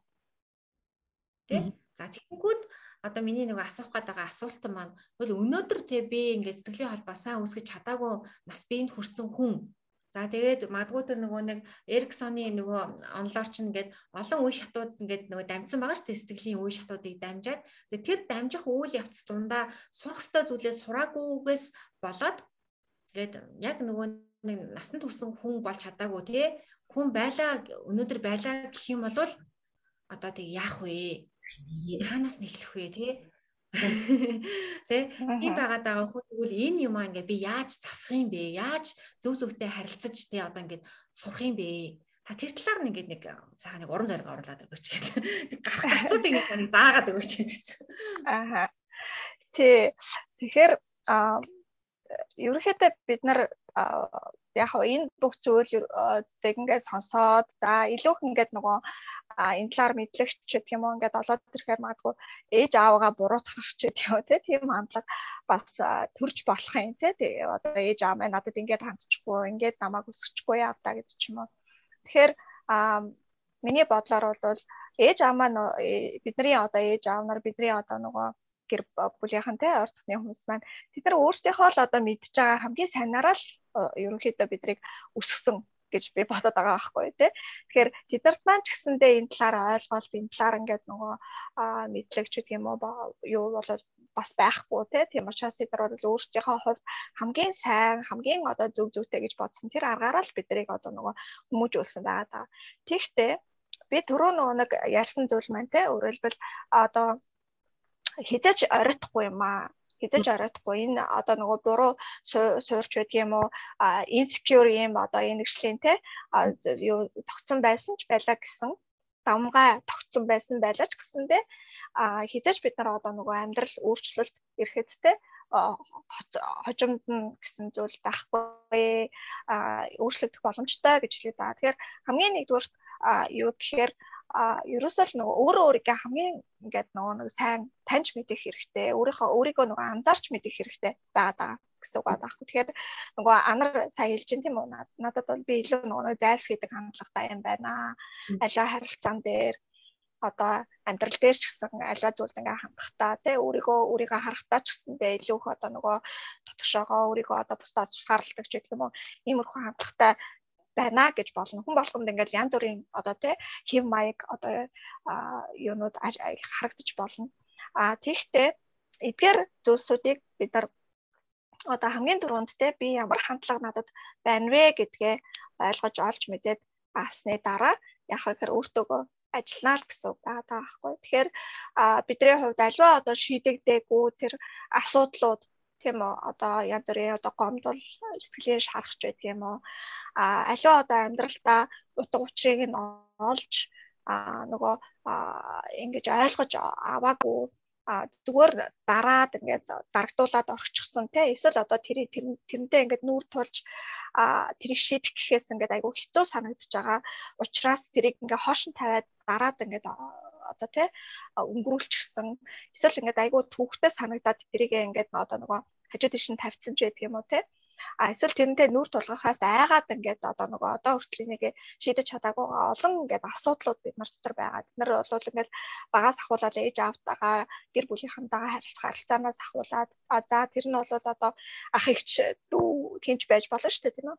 Тэгэхээр тэдгээр харилцаанууд одоо амьдралдаа тий бид за эсвэл одоо магадгүй багт нь ээж аав нь салсан байж болно тийм үү? Эсвэл хин нэг нь одоо нас орсон байж болно. Хин нэг нэг алдсан. Тэгэхээр тэнд чинь ингээд уй гашуу гэдэг нэг ойлголт гарч ирж байна юм. Тэгэхээр энэ бүх зүйлсүүдийг ингээд нөгөө ойлгож а трийгээ ингэж нөгөө учрыг нь олж шийдэж за шийдэх гэхээр заавал одоо бидэж бид нар тэр өнгөрсөн үед болсон үйл явдлыг бол бид нар хязгаарч өөрчилж чадахгүй. Тэр бол болоод өнгөрсөн зүйл тийм үү?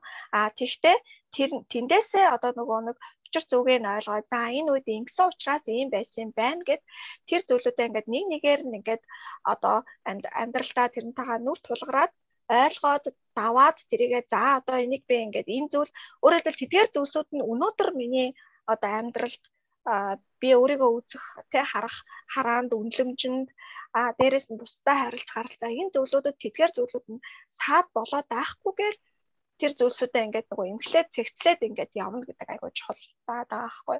Тэгэхээр а инхийн тулд яг нөгөө хүмүүс ихэвчлэн тэгэл нөгөө сэтгэл зүйчдэр ирдгэлтэй. Яагаад тэгэхээр сэтгэл зүйч хүмүүс бол мэдээж илүү их одоо нөгөө хүний асуудлуудыг яг юунаас олж энэ зүйл улбатай те гарч ирж болсон гарч ирж байгаа байж болох уу гэдэг тэр уг үндэс энэ зүйлсүүдийг нь илүү нөгөө ойлгож тэрийг нь одоо тэрийг ингээд шийдэж даван туулж гарч одоо те а тэр тэгснээрээ явандаа бас ирээдүйд тулгарх тэр асуудлууд дээр одоо нөгөө уучраа олоод ойлгоод өөрийгөө таньж мэдээд даваад гарах тийм одоо нөгөө сэтгэлийн тэнхээ одоо тэ суралцаж авах өөрийгөө илүү ойлгох энэ энэ зүйлүүд дээр нөгөө тусал чиглүүлж өгдөг байгаа.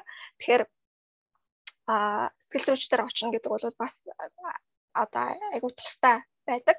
А мэдээж яг найз нөхдөдөө гэрийнхэнтэйгээ ч юм уу ойр дотны хүмүүстэйгээ нөгөө дотроо байгаа зүйлсээ ингээ хуваалцаж ярилцаж болно. Гэхдээ одоо тэр нь одоо зүгээр нэг өөрийнхөө дотор байгаа зүйлийг ингээд гаргаад илэрхийлээд нөгөө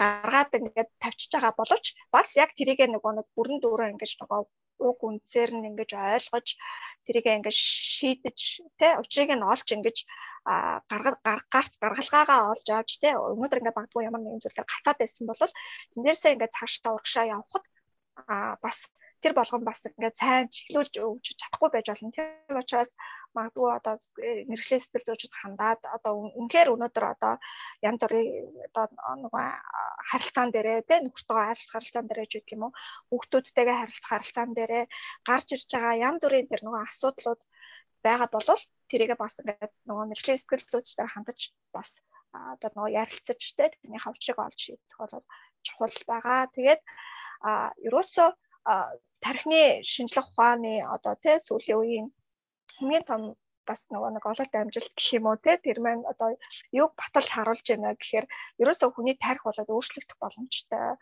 Одоо 20 эдэн нас хүртлээ ингээл тарих хөгжөөл ингээл тогтцдог биш. Насан туршдаа хүний тарих тийм ээ? Шин замуудыг шин одоо нөгөө мэдрэлийн эсүүдийн холбоонуудыг бий болгож хуучин тэр одоо бид нарт тусахгүй те бид нар саад болж байгаа бид нар чөдөр тушаа болж байгаа. Тэр альва одоо буруу одоо а те туршил энэ зүйлүүдэд бид нар орхиод а шинээр бид нар эхлэх шинээр одоо те тархины тархиныхаа замуудыг одоо тий өөрчилж шин одоо зан чанарууд шин одоо нөгөө амьдралын туршлагуудыг бий болгох болцоотой гэдгийг одоо нөгөө баталж харуулад байгаа. Тэгэхээр энийг нөгөө neuroplasticity гэж хэлээд байгаа. Тэгэхээр тийм учраас би сонсож байгаа хүмүүстэй юг одоо нөгөө урамшуулж бас хэлмээр байна гэхээр эзэж энэ маань нөгөө нэг оройтхгүй ба бид нар өнөөдрөөс ч эхлээд гэсэн те өөрсдөө бас ажиллах боломжтой өөрсдийнхээ асуудлуудыг ингээд шийдээд явах боломжтой. Тэрүүгээрээ дамжуулаад бас үр хөвгтүүдтэй харилцаандаа нөхөртөөгөө а гар татны хүмүүстэй те харилцаа харилцаа энэ зүйлүүд дээр ч гэсэндээ шинээр одоо барьж байгуулах бүтээх боломжтой гэдгийг урамшуулж хэлмээр байна. Тэгээд мэдээж ахаа өнөөдрийн энэ нөгөө ярилцлагаар одоо энэ нэгшлийн талаар бүх зүйлийг ингээд ярих боломжгүй. Энд чи одоо зөндөө том ингээд ойлголтууд ингээд цаашаа ингээд одоо нөгөө насанд хүрсэн хойно бас attachment энэ нэгшил ямар байд юм бэ гэдээ ингээд ярих юм бол бас зөндөө өөр ингээд ойлголтууд байгаа. Тийм учраас аа тавчганч гэсэн те бас ингээд нөгөө хүмүүст бас тустай байсан болов бас ойлгомжгүй зүйл ч юм уу байсан бол мэдээж эргээд ингээд нөгөө нэг холбогдоод бас тийм нөгөө чатан дээр санаа оноогоо бичээд асуултуудаа бичээд ч юм уу эргүүлээд бас аюу яах болцоотой байхал гэж бодож байна тий. Харин тийм ер нь бол амар том сэдв байна. Тэгээд бүр яг нөгөө ер нь л сургалт маягаар аммаарч юм шиг санагдчихлаа. Яг ингэж яриад ингэж илэрхийлж бүгд гарч ирэх юм санагдчихээн л да. Надад бол аюул олон асуултууд үлдчихсэн. Тийм. Аха.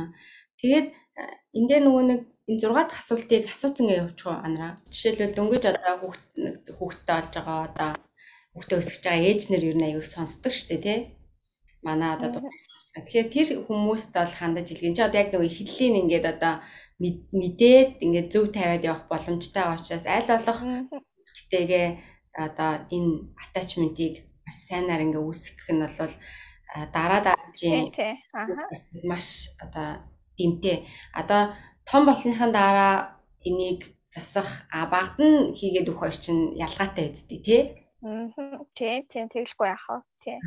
Мэдээж аль болох өнөөдөр ингээд сонсож байгаа залуу ээж нар бол дараа дараагийн тий нөгөө хүүхдээ өсгөх хүүхдтэй харилцаан дээр бас энийг ингээд нөгөө анхаарад тий хэрэгжүүлээд явна л гэсэн. Тэгээд мэдээж тэр нөгөө харилцааны чинь хүүхдтэй нөгөө харилцаж байгаа харилцааны чинь чанар маш чухлаа гэдгийг те мэдээж яг хуу дандаа нөгөө нэг түрүү хэлсэн 100% ингээл хажууд нь байгаа бүх юм ингээл тэ хэрэгцээг нь хангадад чадахгүй ч байсан гэсэндээ тодорхой хэмжээгээр ингээд нөгөө хүүхдтэйгээ байгаа үедээ яг 100% ингээд хамт байх. Өөрөлдвөл хүүхдтэй хөхүүлж байгаа бол яг л тэр одоо нөгөө хүлж байгаа тэр хүүхдтэйгээ ингэж нөгөө харилцаж байгаа тэр харилцаандаа нөгөө анхаарлаа хандуулах ч гэдэм үү. Одоо хажууд нь ингээд утас оролдоод өөр юм хийгээд ахасаа илүү тий гих мэдчлэн а хүүхдтэйгээ тоглож байгаа бол яг тоглоомн дээрээ л анхаарах ч гэдэг юм уу. Тэгээд хүүхдээ хараад ажиглаад хүүхдийнхээ одоо гаргаж илэрхийлж байгаа тэр одоо нөгөө сэтгэл хөдлөл мэдрэмж тэр зүйлийг нь мэдэрч ойлгоод тэрнтэй нэг холбогдоод а тэрэнд нь хариу үйлдэл үзүүлээд ингээд явж чадах тусмал илүү одоо нөгөө нэг сайн л гэсэн тий үрдүнтэй байна л гэсэн. За за одоо яг одоо яг ойлгож хүлээж авч байна. Яг нөгөө чанартай цагуудыг өнгөрөх нь л яг юу нь л чухал юм байна л да тий. Яг анхаар тийм байна. Хэр удаан хугацаанд өнгөрүүлж байгаа гэхээс илүү илүү яг анхаар толгоогоо одоо яг тэр хүүхд рүүгээ одоо анхаарлаа бүрэн хандуулж юу гэдэг нь яагаад байна гэдэг дээр аль ч насных нь хувьд тийм юм гэж ойлгож байна. Аха. Аха тий. Бүрэн дөрөв нөгөө хэрэгцээг нь сэтгэл зүй хэрэгцээг нь ойлгож харж тэрэнд нь яг тохирсон хариу үйлдэлийг үзүүлж чаднаа л гэсэн үг байна. Өөрөөр хэлбэл нөгөө түрүү нөгөө долгион таарах гэдэг шиг тий. Аха. Тий. Аха. За за.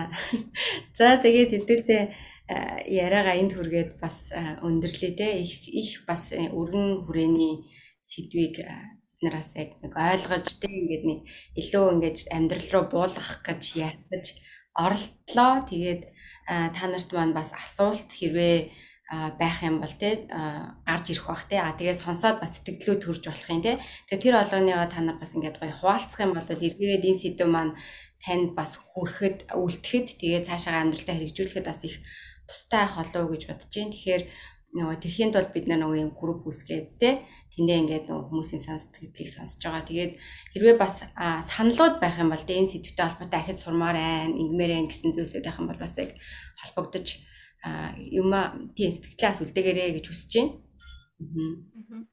Тэгээд би ямар ч хэлсэн ингээд зүгээр яг энэ одоо ингээд яриа хийж явах үед айгүйх бодогдож байгаа зүйл нь за ямар ч хэлсэн ингээд те а яг сэтгэл зүйн тэр ингээ үе шатууд дээр авч чадаагүй зүйлүүд маань магадгүй эцэг гэхээс маань хамааралтай байж явах үед чадаагүй зүйлүүд байх юм бол а тий бас оройтог юм байна. Ямар ч юм тасах боломжтой юм байна гэдэг зүйлийг сурлаа. А тэгээ нөгөөх нь болонгууд за одоо тэгвэл нөгөө нэг энэ зүйлийг сурсан би те ээж болчихсон байгаа би заавал ингээ өөрийнхөө явсан замналаар үр хөвгтүүдэд явуулах шаардлагагүй юм аа тий а мэдлэг мэдээллийг ингээ олж аваад бас ингээ хичээгээд үр хөвгтүүдээ тий яг нас насанд нь сурах хэвээр тэр сэтгэл зүүн зүйлүүдийг бас ингээ зааж өгөх боломж нь ингээ бас одоо миний гарт байна. Тийм учраас бас тий урам зоригтойгоор хүүхдүүдээ тий яг нөгөө яг тухайн ингээ моменто үнэхээр бас үнлээд яг тэр ингээ моментонда хүүхдтэй харилцаж байгаа тэр ингээ зүйлдээ ингээд анхаарлаа хандуулах юм бол энэ нь бас ингээ ирээдүйд за тий хүүхдүүдээ маань илүү тийм эрүүл сэтгэл хөдлөлттэй хүүхдүүд болоход нь бид нар хувь нэмэр оруулах юм байна гэдгийг за сурлаа. Тэгээ миний хувьд яг ийм ингээд хоёр зүйл байна гэж. Аа. Дүү яриагаа ингээд өгнөх юм бол яг тэгж ингээд өгмөс санагдаж. Аха. Тэгээ надад харин бас тэгж бодогдож байна. Нөгөө сүүлд ингээд өнгөрсөн дугаар нөгөө нэг жилийн нэг жил болчлаа шүү дээ. Тэгээ хийсэн дугааруудаа ингээд би яг нөгөө буцаагаад бүгдийг ингээд үзчихсэн чинь айгүй их тийм нөгөө өөрийгөө таньж мэдэх, өөрлөгөө тотгошоогоо ингээд нөгөө хандсан буцаж ингэж нөгөө өнгөрсөн дурсамжууд руугаа явсан тийм дугаарууд аягүй хийгдсэн юм байна гэж харж байгаа хгүй. Тэгээ энэ нь ч угаасаа их хэрэгтэйс яа тэгэхээр энэ нь буцаад нөгөө бидний нөгөө одоо өнөөдрийн энэ харилцаануудад маань яаж нөлөөлж байгааг үнэлэхийн тулд те хүмүүсийг бас бодосоо гэсэндээ гаргаж ирж байсан. Тэгэхээр энэ энэ дугаар бас яг энэ рүү л бас айгу чиглэж дээ. Тэгэхээр яг гол нэг хэлэх гээд байгаа зүйл нь хэрвээ те ингээд өөрөө ингээд нөгөө одоо ном уншаад ч юм уу те эсвэл хин нэгнтэй ярилцаад энийг ингээд нөгөө шийдэж чадахгүй байгаа бол бас мэрэгжлийн сэтгэл зүйчэд хандах нь бас их зөв шүү гэж бас уриалмаар байна. Тэгээ их тохиолдолд сэтгэл зүйч гэдэг юм Тийм сэтгэл зүйч гэнгууд нөгөө бидний дунд бас нэг нэг сайн хөгжөөгөө ойлголт байгаа даа шүү дээ тий. Ил бүрл их их ноцтой асуудал үүсэх бол одоо сэтгэл зүйн мэдээ анхаарал тавьдаггүй шүү дээ тий. Гэтэл энэ бол яг нөгөө заавал бүр ингээл одоо салаал одоо сарнаал ч юм уу бүр ингээд хэцүү асуудалд орхосоо өмнө зүгээр өнөөдөр би ингээд бас сэтгэл зүйдээ анхаарал тавиад энэ дээр бас цаг гаргах ёстой юм байна гэдгийг бас ерөнхийдөө зүгээр энэ дугаараараас сануулж өгж ийн л доо ер нь хэрэгтэй юм байна гэж би бас бодлоо. Тэгэхээр бас сонсож байгаа хүмүүсийг бас хэрэг боломж нь авил те сэтгэл зүйч рүү бас хандах хэрэгтэй юм биш үү гэж бас аа зөвшөөрлөмөр санагдчихэв. За тэгээд хэдүүлээ энэ дугаараа ингээд тий энэ түргээд өндөрлөе. Тэгээд цагаа гаргаад аа маш ойлгомжтойгоор ингээд бид нарт бас тайлбарлаж өгөх гэж одоо зөндөө олон зүйлсийг тайлбарлаж өглөө. Тэгээд танд маш их баярлалаа гэрлээ хичээ. За баярлалаа. Та бүхэн та нартаас амжилт хүсье дараа дараагийн подкаст. Тэгээд гэрлээ хичээ ахаад хүрнэ. За тэгээд өнөөдрийнхөө дугаарыг өглөө баяртай. Дараагийн дугаараар уулзъя.